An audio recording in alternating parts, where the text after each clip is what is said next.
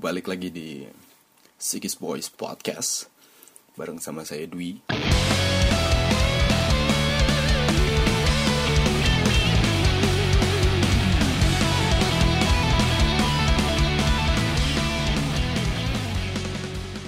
Oke, kali ini Sikis Boys Podcast akan bahas tentang Sik Talk di bahasan kita kali ini kita bakal bahas seorang perempuan revolusioner bernama Lucy Gonzalez Parsons. Lucy Gonzalez Parsons ini bisa dibilang adalah seorang uh, perempuan yang paling berpengaruh dalam gerakan anarkis maupun buruh Amerika Serikat di abad ke-19. Nah, menantang seksisme pada masanya, Lucy Parsons binti Waller adalah istri dari seorang martir Haymarket bernama Albert Parsons. Sayangnya, sebagaimana kita tahu, Lucy Parsons yang seorang aktivis Afro-Amerika pertama dan yang paling penting bagi gerakan kiri Amerika Serikat itu, dokumentasi historis tentang dirinya cukup minim dijumpai. Sumber yang kredensial barangkali tidak sekaya dan sebanyak bahasan tentang Emma Goldman atau Rosa Luxemburg. Namun bukan berarti sumbangsih dan legasi Lucy Parsons itu kalah penting. Perempuan berambut ikal dengan rahang yang tampak kokoh ini lahir di sebuah perkebunan di wilayah Hill County, Texas, sekitar bulan Maret 1853, bersamaan dengan era Perang Sipil. Hal tersebut menjadi salah satu bukti ihwal terbitnya kemungkinan, bahkan kasakusuk perihal orang tua Lucy yang tak lebih dari seorang budak. Karena pada saat itu masih ada segregasi rasial di mana orang-orang kulit putih itu dengan seenaknya mempekerjakan orang kulit hitam maupun orang kulit merah dengan adanya perbedaan kelas sosial maupun status sosial. Atas alasan keselamatan, sepanjang hayatnya Lucy ini sering sekali memakai nama samaran, menggunakan banyak nama pseudonym untuk menyamarkan asal-usul rasialnya dalam masyarakat. Namun, Lucy ini sering menggunakan nama Lucy Gonzales untuk menyangkal ras African American atau Afro American dan mengklaim bahwa warna kulitnya yang gelap itu berasal dari turunan Meksiko. Sekitar tahun 1870, Lucy sempat hidup sementara waktu bersama Oliver Getting. Namun kebersamaan mereka tidak bertahan lama hingga kemudian ia menikah dengan Albert Parsons di tahun 1871.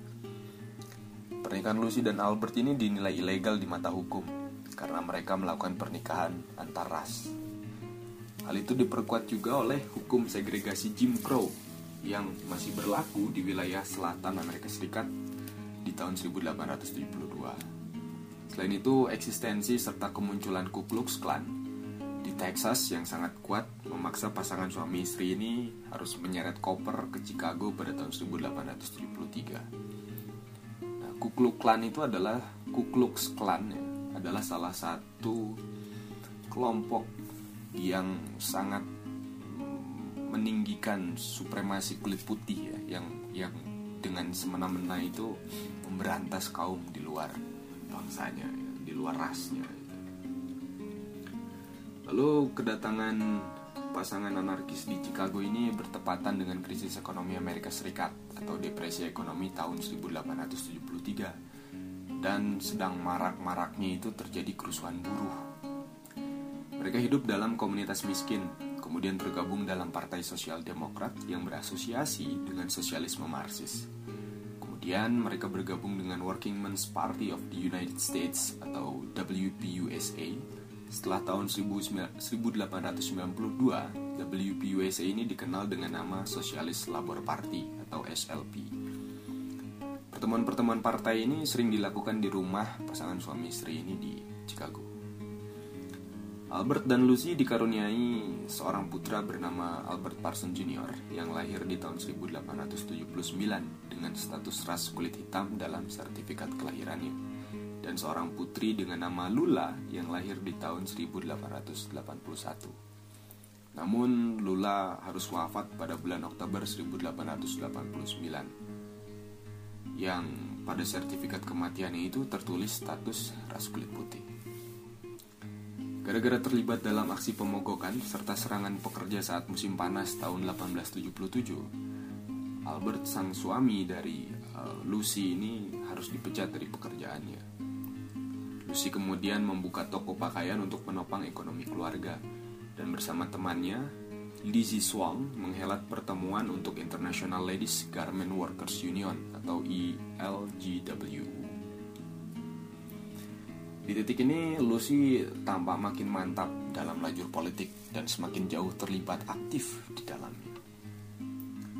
Lucy mulai banyak menulis publikasi radikal termasuk surat kabar di Sosialis dan The Alarm surat kabar anarkis mingguan yang dikeluarkan oleh International Working People's Association atau IWPA yang sempat ia dan Albert bangun di tahun 1883. Ia memiliki sedikit sekali simpati kepada para bos yang membayar upah pekerja di bawah standar. Artikel terkenalnya Two Trumps mengadvokasi propaganda dari perbuatan atau dalam istilah bahasa Inggrisnya propaganda by the deed sebuah falsafah yang menyatakan bahwa aksi langsung melalui kekerasan atau ancaman pada akhirnya tindakan semacam itu yang akan memenangkan tuntutan para pekerja. Efeknya Lucy sering dianggap lebih berbahaya ketimbang suaminya karena toh ia sangat vokal dalam perjuangan membela hak-hak orang miskin. Lucy pun sering menggertak bahwa ia adalah seorang perempuan militan dan radikal yang menolak mengambil peran sebagai ibu rumah tangga. Pada Oktober 1887, setelah kerusuhan Haymarket yang menyeret 8 orang, yang kemudian dikenal sebagai 8 martir Haymarket, Albert dan tujuh orang lainnya dijatuhi hukuman mati dengan cara digantung setelah proses persidangan. Yang tentu saja proses persidangan ini diwarnai dengan ketidakadilan. Kemudian Lucy dilanda amarah sekaligus bangga bahwa suaminya akan mati atas keyakinannya terhadap anarkisme. Dia mulai melakukan kampanye untuk gerasi. Ia mencoba mengelilingi Amerika Serikat, membagikan informasi tentang persidangan yang tidak adil sembari mengumpulkan dana. Ke mana pun ia pergi, Lucy selalu disambut oleh polisi bersenjata dan melarangnya untuk masuk ke ruang-ruang pertemuan.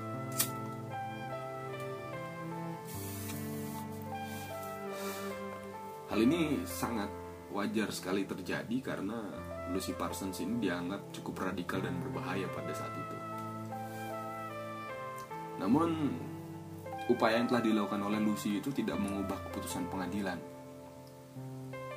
Karena kondisi gubernur Illinois sendiri berada di bawah tekanan politik untuk segera mengeksekusi para tahanan, Akhirnya empat orang ini harus dieksekusi pada 11 November 1887. Lucy kemudian mengajak kedua anaknya menemui sang ayah untuk terakhir kalinya. Namun, ia malah ditahan bersama kedua anaknya.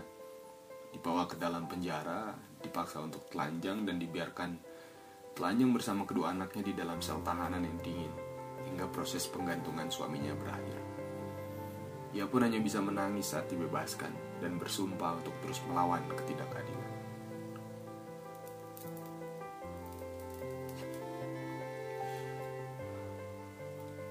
Sang suami telah terbunuh.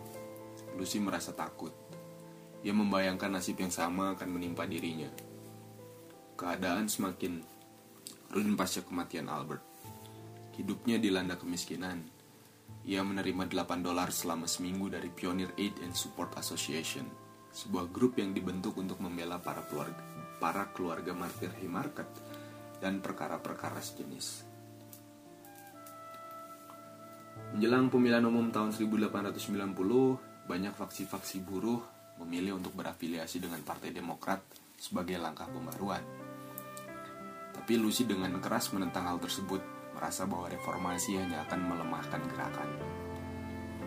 Karena orang kaya masih berkuasa atas kelas pekerja dan kolaborasi dengan partai-partai yang menindas adalah malapetaka bagi partai buruh independen setelah keberhasilan mereka pada pemilu 1887. Lucy memegang posisi sindikalis tanpa kompromi.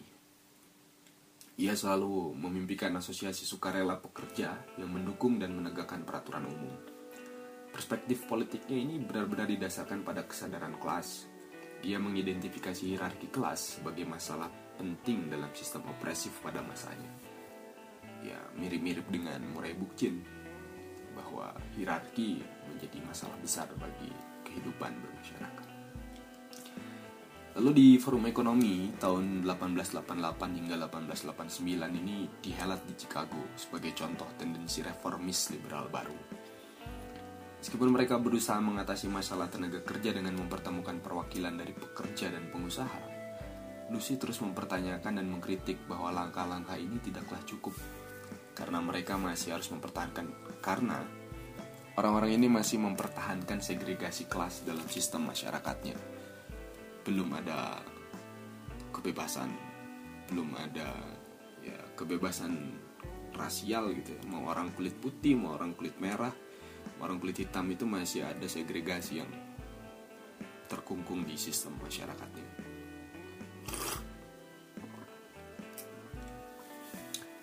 pada bulan Oktober 1888 Lucy bertandang ke London untuk menghadiri Liga Sosialis Inggris ketika kembali ke Amerika Serikat, ia telah banyak mempelajari perjuangan demi kebebasan berpendapat.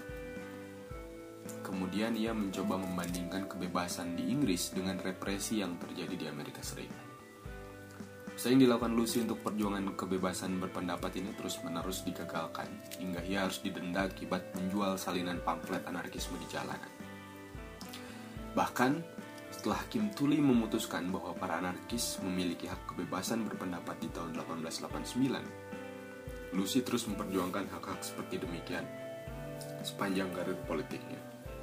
Dalam konflik yang konstan terhadap kekuatan yang setara, terhadap kekuatan yang secara terang-terangan ingin membungkamnya. Pada tahun 1890, Serikat pekerja di mana Lucy tergabung harus menyaksikan kekalahan besar akibat perkembangan teknologi dan skala industri di tempat kerja. Dengan parameter baru perjuangan buruh, Lucy merasa pentingnya ruang lingkup internasional untuk gerakan ini. Pada tahun 1891, Lucy bersama Lizzie Holmes mulai, menyu mulai menyunting surat kabar Freedom, sebuah surat kabar anarkis komunis revolusioner bulanan, dan mulai mewartakan perlawanan-perlawanan buruh di tahun 1892 seperti yang terjadi di pabrik baja di pabrik baja Carnegie di Pennsylvania dan tambang perak Coeur d'Alene di Idaho yang konon mengisyaratkan akan datangnya revolusi. Di lain babak, sebagai salah satu pendiri Industrial Workers of the World atau IWW pada tahun 1905, dia terus berjuang atas nama para tunawisma dan para pengangguran. Lucy mulai menyunting The Liberator salah satu surat kabar yang dipublikasi oleh IWW yang bermarkas di Chicago. Melalui medium ini, ia mengambil sikap atas isu-isu seputar perempuan, mendukung hak perempuan untuk bercerai, menikah kembali, dan memiliki akses kontrol atas kelahiran. Pada poin ini, dapat kita garis bawahi bahwa perjuangan Lucy menempuh banyak titik multisektoral. Ia bisa menjadi anarkis tulen, menjadi aktivis buruh, bahkan aktivis HAM. Ia berada pada garda buruh kultural politis seperti berbicara mengenai kebebasan berbicara, juga di saat yang sama menolak domestifikasi harkat dan martabat perempuan. Sebuah isu yang tampak seksi dewasa ini, yang sayangnya sering mendapat kritik dari sebelah kanan maupun kiri gara-gara jamaknya tambal sulam episteme filosofis yang berujung pada kemiskinan taktik dan strategi politik, dan hanya membuat para pembelanya tampak canggung dan lian secara. Tetapi Lucy selama tahun 1907 hingga 1908, di mana periode kekacauan ekonomi justru tetap bergerak dengan mengorganisir massa untuk melawan kelaparan dan pengangguran. Keberhasilan demonstrasi atas kelaparan di Chicago oleh Lucy di bulan Januari 1915 mendorong American Federation of Labor, Partai Sosialis, dan John Adams Hull House untuk berpartisipasi pada demonstrasi masif yang terjadi pada 12 Februari tahun itu. Barulah dua, dua minggu setelah demonstrasi, pemerintah kemudian merencanakan desentralisasi hunger policies.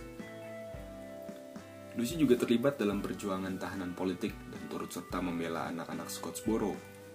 Anak-anak Scottsboro ini adalah sembilan anak Afro-Amerikan yang memperkosa dua perempuan kulit putih di kereta api tahun 1931 dan Angelo Herndon bersama organisasi hak sipil sayap kiri International Labor Defense Kali terakhir kehadirannya di depan publik adalah saat ia berbicara di International Harvester pada Februari 1941. Lucy Parsons wafat pada usia 89 tahun setelah api melalap rumahnya di Avondale, Chicago tanggal 7 Maret 1942. Akibat tragedi tersebut, perpustakaan Lucy yang menyimpan sekitar 1.500 buku mengenai seks, sosialisme, dan anarki hilang secara misterius, bersamaan dengan seluruh paper-papernya serta segudang karya-karyanya. Ini merupakan pangkal masalah mengapa kita kemudian sulit sekali mengakses sumber kredibel tentang Lucy Parsons lebih lanjut, FBI maupun kepolisian Chicago enggan memberitahu Irving Abrams, seorang yang datang untuk menyelamatkan perpustakaan Lucy Parsons, bahwa FBI itu telah menyita seluruh buku-buku Lucy. Dan kita boleh menebak bahwa abu di rumah yang terbakar itu bisa saja berbau konspirasi. Mungkin itu kisah dari Lucy Gonzalez Parsons. Semoga bisa menginspirasi kita. Uh, secara tertulis kisah Lucy Parsons ini sudah dimuat juga di metaruang.com untuk kawan-kawan yang ingin membacanya silahkan kunjungi metaruang.com dengan judul artikel yang sama Lucy Gonzalez Parsons. Sampai sini dulu Sick Talk kita mengenai sejarah. Di lain kesempatan mungkin kita bisa membahas hal-hal yang lainnya sampai sini dulu dan terima kasih. Dwi signing out.